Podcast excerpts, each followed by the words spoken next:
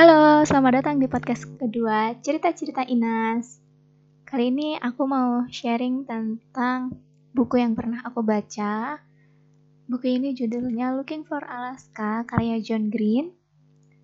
Ya, mungkin yang juga penikmat John Green tahulah ya buku ini udah terbitan lama. Dan aku baru tahu dong ternyata Looking for Alaska ini dijadiin series film di Hulu. So, Hulu itu semacam Netflix, beda company aja. Ada berapa episode ya? Sekitar 8 episode kalau nggak salah. Dan kagetnya itu latar cerita di filmnya persis banget seperti yang John Green gambarin di buku Looking for Alaska. Nah, ceritanya Looking for Alaska ini secara singkat ya, kan ada nih seorang cewek namanya Alaska Young bersama temannya Chip dan siapa tuh satu lagi? Takumi. Terus ada tokoh tambahan juga namanya Lara. Terus tokoh utamanya yang diceritain itu adalah Miles Halter tapi sama temen-temennya itu dipanggil Pooch nah si Miles Halter ini semacam anak papa mama lah ya jadi dia itu sangat dia sayang-sayang sama kedua orang tuanya Miles ini kemudian waktu SMA diberangkatkan ke suatu sekolah bernama Culver Creek. Culver Creek ini adalah sekolah ayahnya juga pada zaman mudanya. Ketika berangkat, ayahnya itu kayak memberi harapan besar ke Miles dan ibunya juga Miles ini tipe anaknya yang benar-benar pendiam kurang bisa bersosialisasi. Dia aja waktu mau berangkat ke Culver Creek ngadain semacam pesta tapi nggak ada yang datang iya dia ngadain pesta perpisahan tapi nggak ada yang datang oke berangkatlah Miles ini ke Culver Creek dan di sanalah dia mulai uh, apa ya mengalami perubahan dalam hidupnya yang awalnya serasa flat, membosankan, nggak punya temen. Di Culver Creek, Miles ini sekamar dengan Chip. Dan Chip adalah temennya Alaska Young. Juga temennya Takumi Hikohito.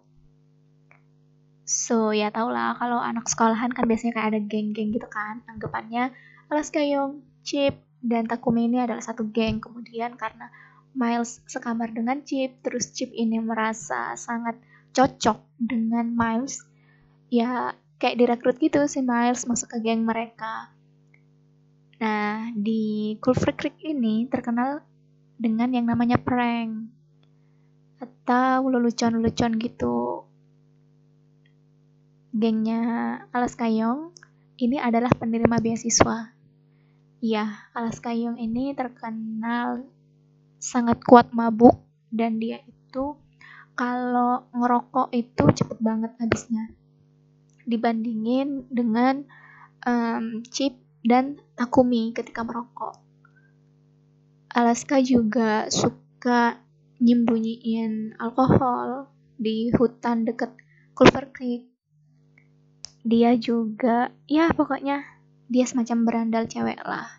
Cuma dia itu pintar. Alaska Chip ini penerima beasiswa.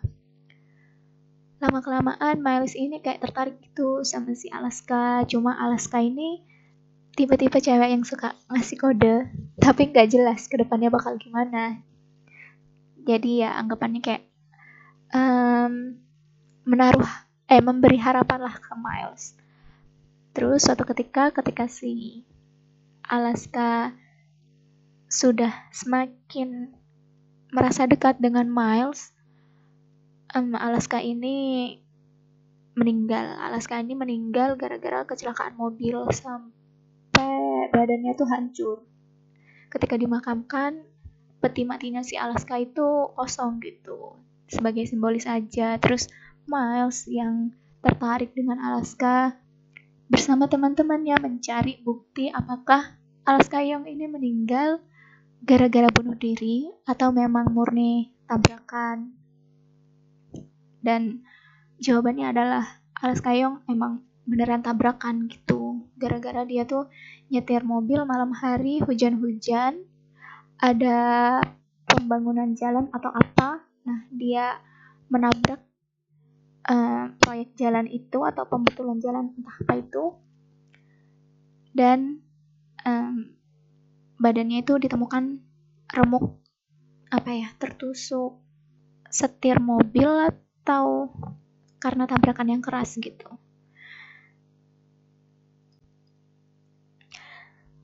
Sebenarnya ceritanya ringan sih seperti pada novel John Green pada umumnya. Cuma di sini yang aku kaget tuh kayak pas ngeliat filmnya itu benar-benar asramanya, terus orang-orangnya, persahabatannya, yang namanya Weekday Warrior. Ya, jadi di bukunya ada yang namanya Weekday Warrior, di mana Weekday Warrior itu anak-anak orang kaya yang tiap minggunya bisa keluar dari asrama, terus nginep di mansion atau di hotel, ngadain party, kayak gitu.